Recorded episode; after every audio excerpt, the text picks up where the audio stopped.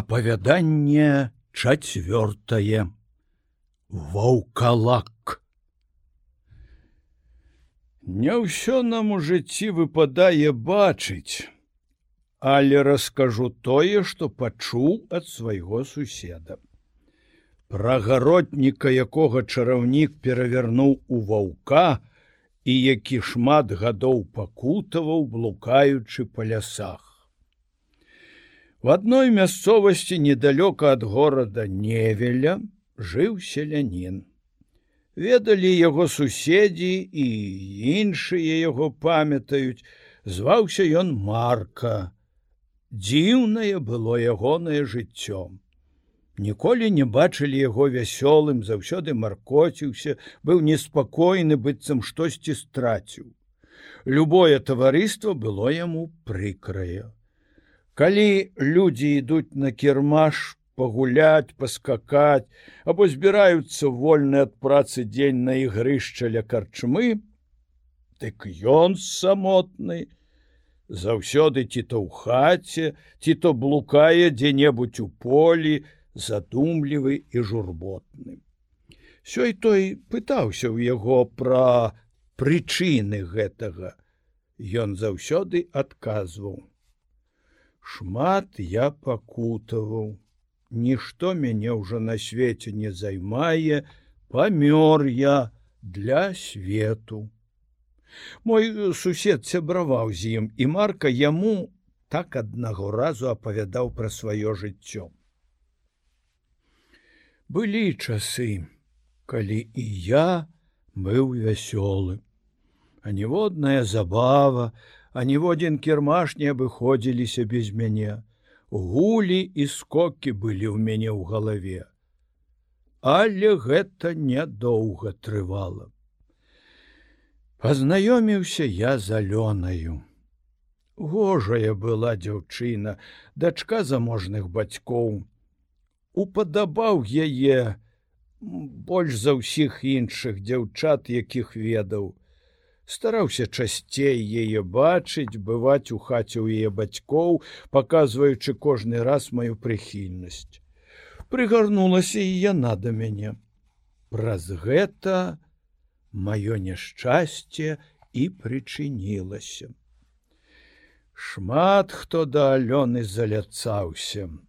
Ды хацеў за жонку взять а найпершы быў ілля Выведваў ён пра ўсё і дакладваў пану, за што і меў ад яго ласку. Пан яму ва ўсім больш дазваляў, чым іншым. У любую пару меў права лавіць рыбу ў панскіх азёрах. Тан накупляў жывёлу і выгадна прадаваў. Часта пасылалі яго ў горад купіць што-кольвек для двара, і кожны раз ён нешта клаў у сваю кішэню. І гэта кашукваючы ў гандлі і абкрадваючы пана зрабіўся ілля багатыром. Меў шмат прыяцеляў і ласку ад пана, бо той меў яго за самага надзейнага лёкая, любіў і верыў яму больш, чым каму іншаму. Дык восьм упэўнены ў сваёй перавазе пасылае ілля сватоў да алёны. Але атрымалі сваты гарбуза, бо яна прызналася бацькам, што не хоча ісці замуж за яго. Ілля, атрымаўшы такі адказ, кажа: « Не алёніна воля, а панская, што не схацела рабіць па-добраму, зробіць паўказу. Пайшоў ён у маёнтак і дамогся свайго, загадалі Алёне ісці за яго замуж. Суседзі, ведаючы пра маю прыхільнасць да Алёны, сустракалі мяне са здзеклівым смехам, кпілі з мае някемнасці, з безразважныя любасці ды з адвагі, з якою хацеў я сіх нават багатыроў змагчы і алёну павесці да шлюбу.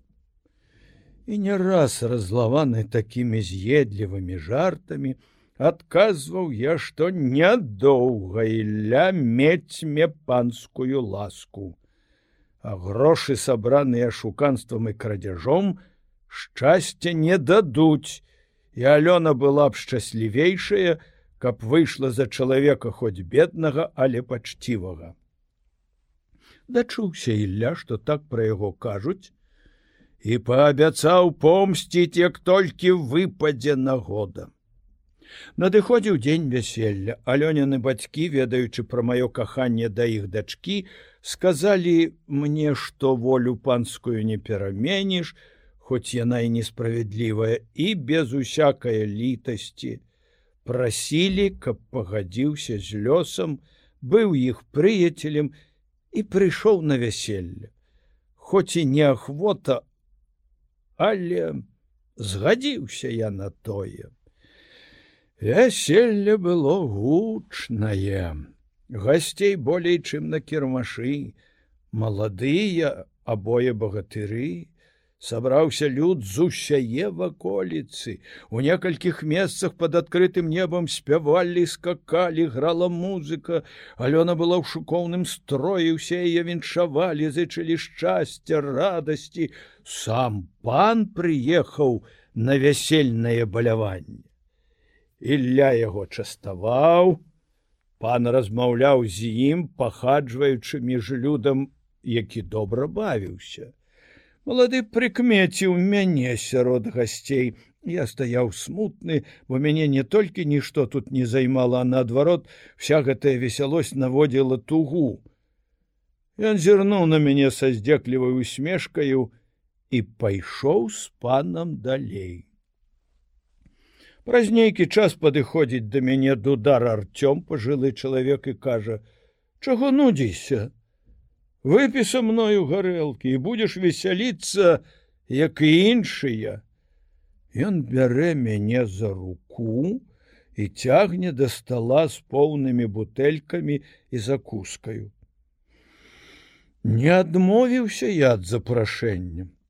Мы выпілі па два кілішкі гарэлкі, тут нехта незнаёмы гледзячы на мяне збоку сказаў з усмешкаю ну цяпер ён паскача. Артём раптоўна мяне пакінуў узяў сваю дуду і пачаў іграць а на мяне напала яшчэ большая туга.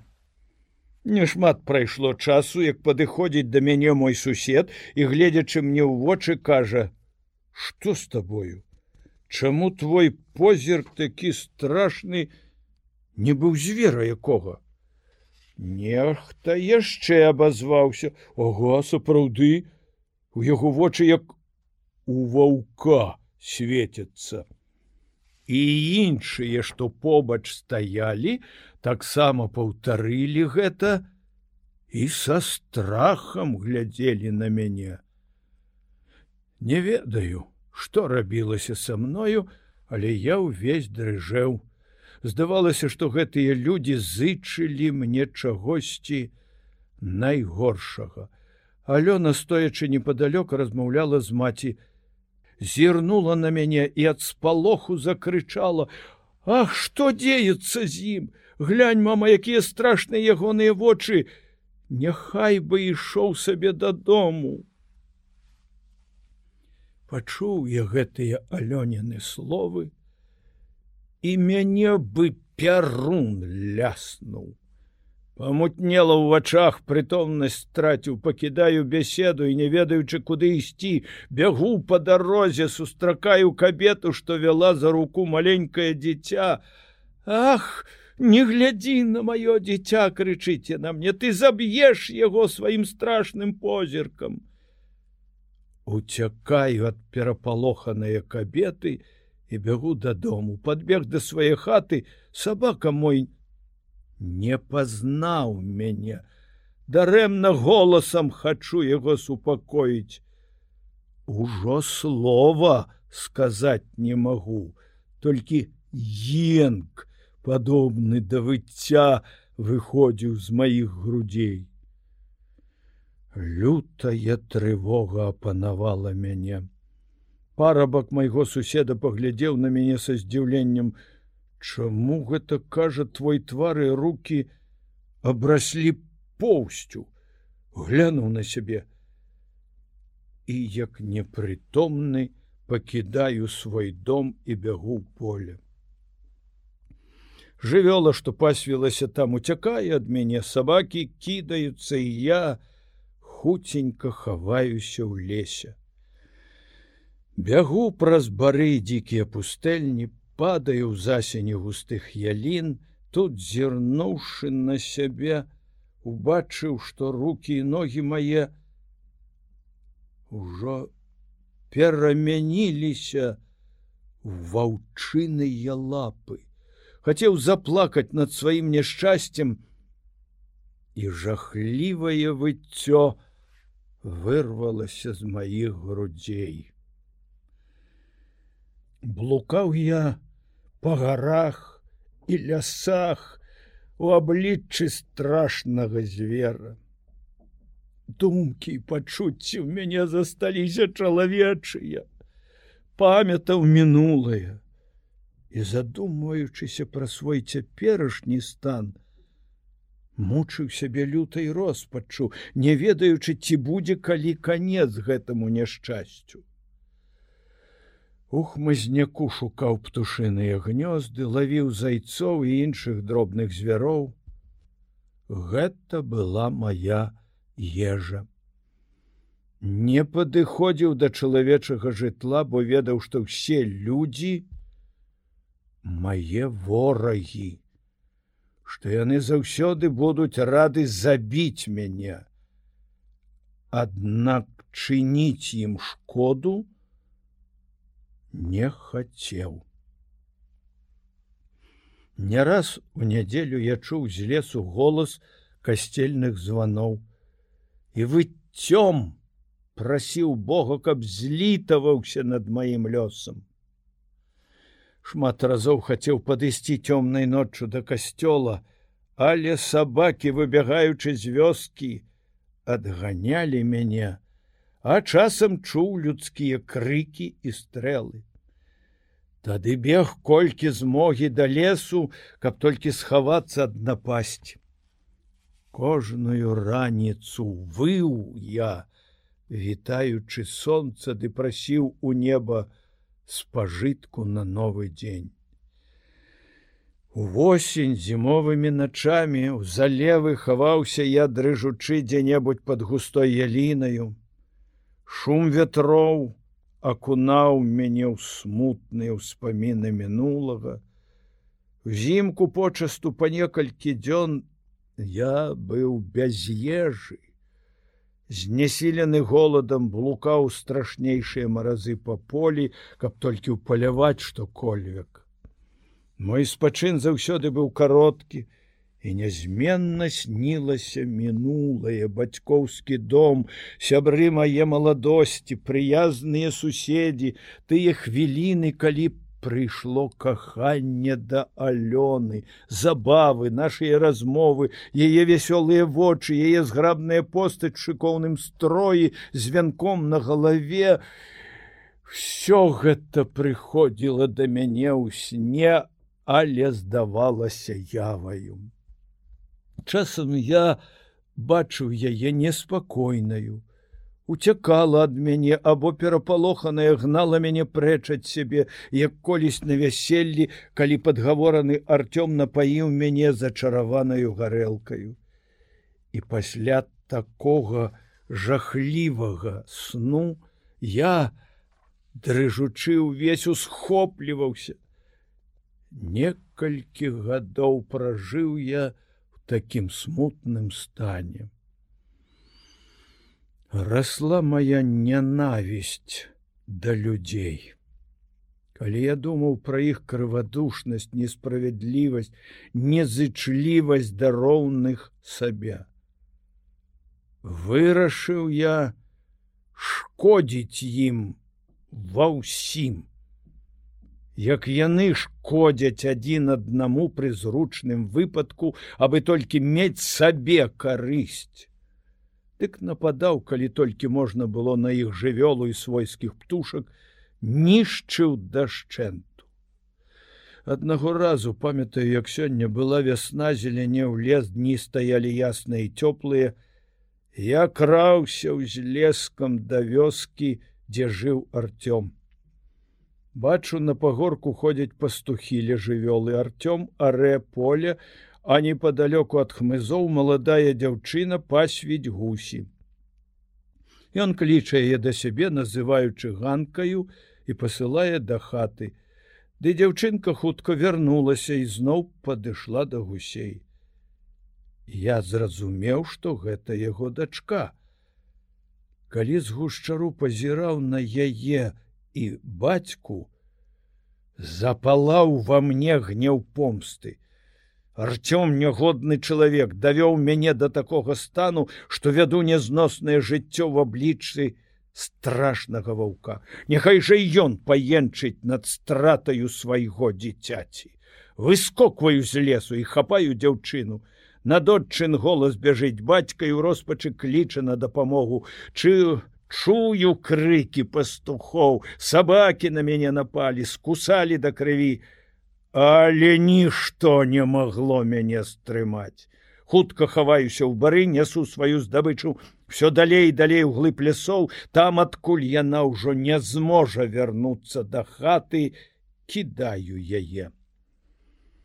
Яна доўга ляжала непрытомная калі адчулася крычала блукаючы па лесе роспачным голасам яе ляманты плач гінулі марна сярод густых хвояў і елін я цешачыся помстаю пакінуў яе ў лясной пустэльні. Аддаліўся ад таго месца, дзе блукала няшчасная ахвяра мае злосці. Толькі нядоўга цешыла мяне тая помста. Калі мінуўся запал гневу, прыйшла думка, што ганка, беднае дзіцё пакутуе без віны. Вярнуўся я назад але нідзе яе знайсці не мог. Глуха было ў лесе, і голас яе ўжо не чуўся.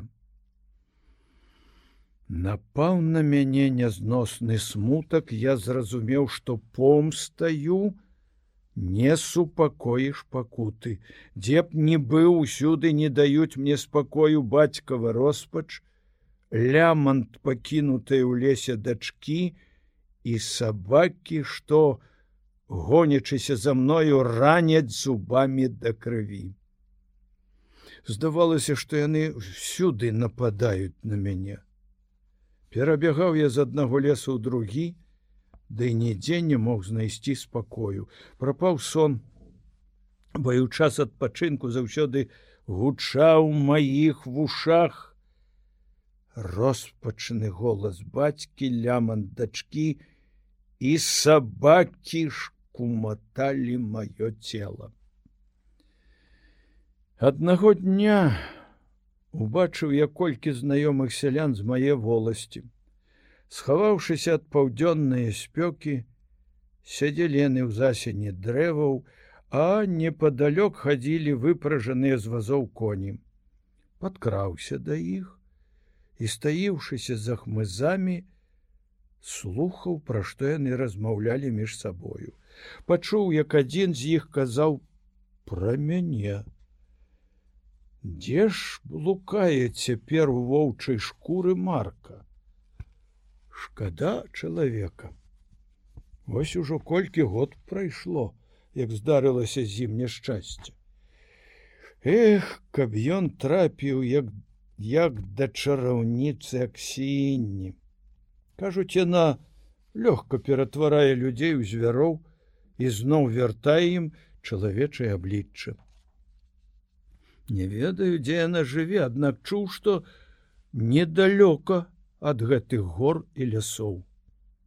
Усцешыла мяне такая навіна вырашыў абысці ўсе горы і лясы гэтага краю, абы толькі знайсці аксіне на жыллё. Некалькі дзён і начэй блукаў я без адпачынку па дзікіх барах і вяршынях высокіх гор, аглядаў бязлюдныя мясціны, спадзяючыся, што дзесьці там хаваецца яе самотная хаціна. Выбягаю з лесу ў лох. Ранак быў ясны і ціхі, бачу котку на траве, шые і лапкі белыя спінка ў паскі, светлыя і цёмна-папяловыя, шустрыя вочки шпаркая наскача ловіць лапкамі матылёў на кветках. Доўга глядзеў с хмызняку на яе вясёлыя падскокі гульні Урэшце захацелася схапіць як кідаюся але лёгка як ветер адскочыла яна ад кустоў і бяжыць на пагорак. Даганяю і вось вось хацеў уже схапіць. Аж яна ператвараецца ў сароку і ляціць над зямлёй. Гонячыся далей убачыў самотную хаціну. Сарока села на страху і зноў перакінулася ў котку. Бачу, сюды поўна котак, размаітае масці, коткі на даху, коткі на вокнах, коткі на подворку, усюды коткі. Я зразумеў, что тут жыве чараўніца аксіня. Доўга стаяў і думаў ці ісці да яе. Яна мяне не прыме воўчым абліччы. Трэба з ёю дзе-небудзь на праходцы спаткацца, пакорліва ўпасці да яе ног і прасіць злітавацца над маім лёсам схаваўся я ў лаўжы чакаў тае шчаслівыя хвіліны. Солнце схавалася за лясы і горы узлескі густых бароў ужо пакрыў вечаровы змрок а недалёкае возера акружанае густою лазою яшчэ свяцілася. Бачу усе коткі з хаты з даху з подворка бягуць на луг зарываюць зубамі нейкую зёлку і ў міг вока ператвараюцца у дзяўчат. Рассыпаюцца між кустоў, спяваюць песні, танцуюць, іншыя зрываюць кветкі і плятуць вянкі. Бягу і я на іх лугавіну. Убачыў тое зёлка з дробненькімі блакітнымі кветачкамі, як толькі яе сарваў і праглынуў, адразу ж прымаю чалавечае аблічча з невыказнай радасцю бягу ў гурт ветраных русалак бегаю з імі танцую весялюся зусім забываю пра сваё няшчасце. Гэтыя гульні і радасць доўжыліся да позняе ночы.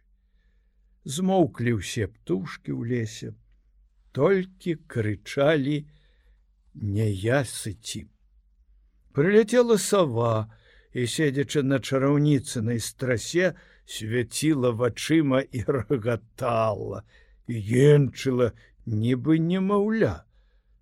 Тут нечакана зашумеў лес і вода ў возеры пачала плёскаць аб бераг русалкі закрычалі поўнач поўнач!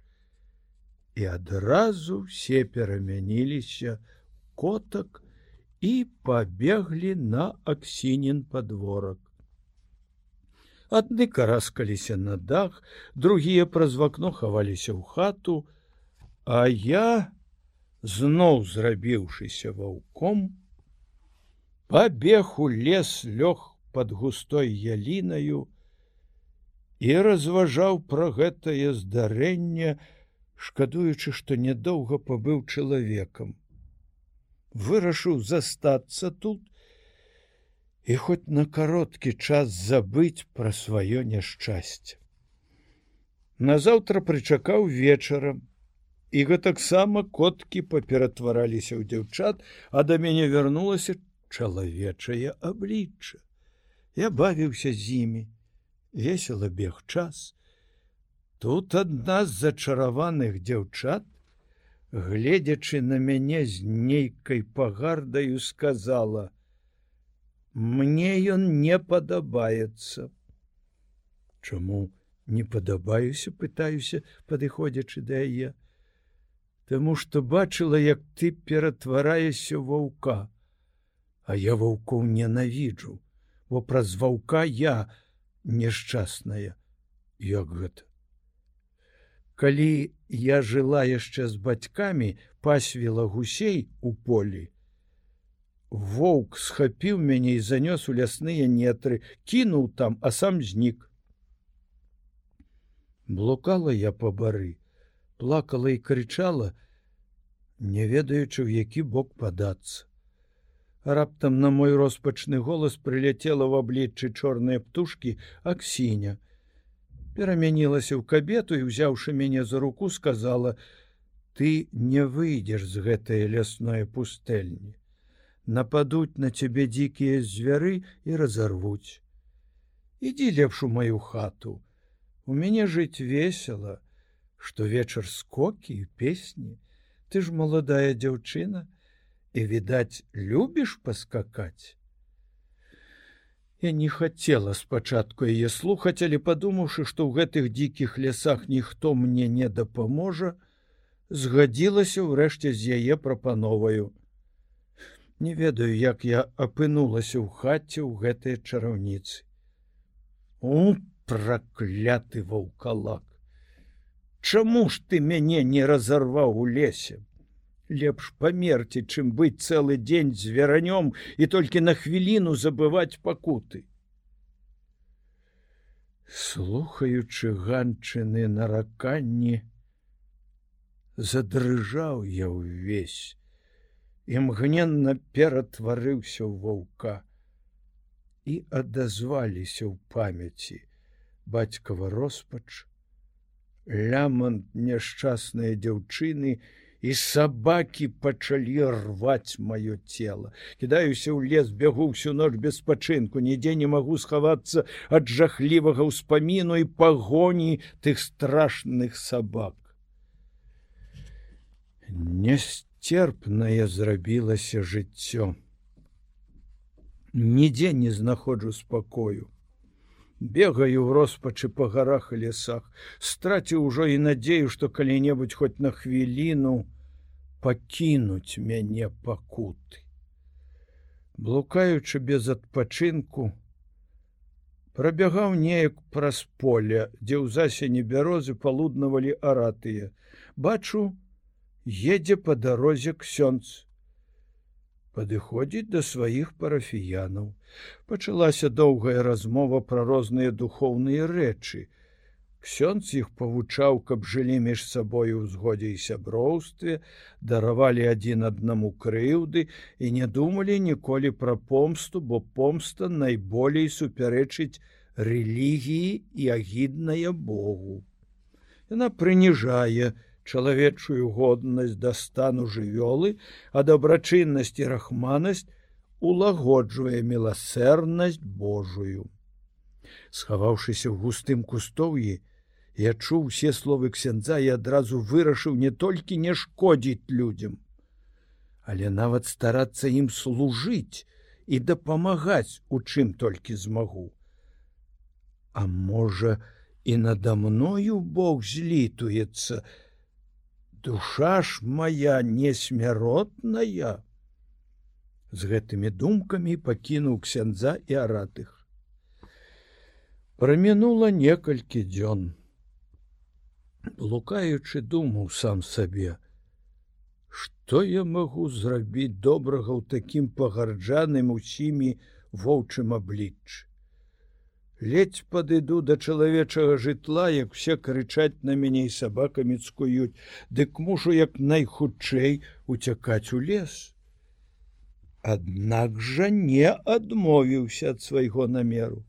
Колькі разоў адганяў лісіцаў што падкрадаліся да гусей ці індыкоў якіх неабачліва пакідалі ў полі. Калі заўважыў непадалёку ад гавяды мядзведя Дык выбег першы з лесу, каб адагнаць статак з небяспечнае месца і папярэдзіць пастухоў. Не раз адбіраў ваўка барана, якога той выхапіў з чарады якой-небудзь беднай удавы. так жывучы я крыху супакоіў свае думкі мог уже заснуць хоць і ненадоўга у сне. Мілыя мроі нагадвалі мне мінулае калі быў яшчэ чалавекам. Было гэта ў жніўні ў добрае надвор'е. Я блукаў у родных ваколіцах калі на палетках даспела з бажына з ляснога гушчару бачу алёну. І нажала на сваёй ніве а на мяжы лежачы на снапах спаў маленькі хлопчык з прыемнасцю глядзеў я на гэты малюнак цешыўся, што Алёна шчаслівая, спакойна жыве са сваёю сям'ёю. Бог дабраславіў іх гаспадарку, і жыта добрае, добра ўрадзіла на іх ніве. Пакуль я любаваўся на ўсё гэта, выскоквае з лесу воўк хапае хлопчыка, на крык дзіцяці кідаецца матка, ратуйте дзіцятка маё крычыць яна і падае непрытомная. Я даганяю ваўка, адбіраю не пакусанае яшчэ дзіця адношу да маткі. Суседзі, што прыбеглі на ратунак, дзіваваліся з усяго гэтага, а я ўцёк у лес. Нейкае прыемнае пачуццё і ціхамірнасць ахінулі мяне пасля гэтага здарэння. Я лёг под дрэвам і заснуў у салодкіх мроях. Вярнуўся ў снеў сваю шчаслівую маладосць. І так мне было лёгка, што як птах пералятаў з месца на месца. Бачу перад сабою такі прыгожы сад якога ніколі ў жыцці не сустракаў. Гай поўны шчабетлівых птушак а пёры на іх лепшай прыгажэйшыя чым нашы вясновыя краскі чыстыя крынічныя воды струменіліся тут і там. Некаторыя дрэвы былі у пахучай кветені а на іншых даспявалі плады заўважыў на пагорку аграмадныя келихі надзвычайнае велічыні лілей, якія разлівалі прыемны водар. Толькі хацеў сарваць колькі кветак, з'явілася перада мною ганка. Сукенка на ёй белая як лілея і кажа мне: « Не зрывай маіх кветак. Я саділа гэтыя лілеі на сваёй магіле, палівала слязьмі сваімі і сказаўшы так знікла. Саду перамяшчаюся зноў нейкую дзікую пустэчу. Блукаю сярод стогадовых хвояў, ледзьве знаходжу сцяжынку, якая выводзіць мяне, да нейкай велізарнай гары. Хачу залезці на вяршыню, агледзець ваколіцу, убачыць адтуль вёску, дзе колісь была хата маіх бацькоў, але з усіх бакоў гары бездань, якая не дазваляе мне падысці да яе. Тут сустракаю нейкага волата. Ён бярэ мяне за руку, загадвае ісці за ім, выводзіць з лесу на нейкае грамаднае поле, дзе крыжуюцца дарогі і мноства там падарожных, што едуць або ідуць пеша.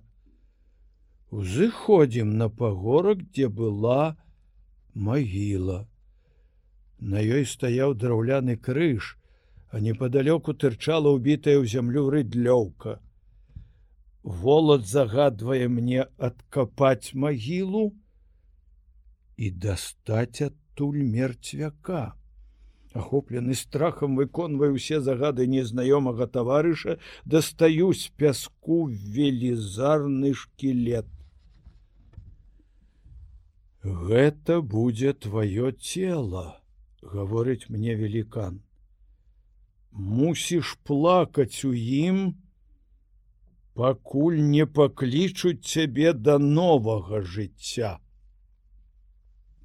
Я дрыжаў увесь ад страху, прасіў, каб адпусціў мяне, але волат моцна штурхнуў мяне.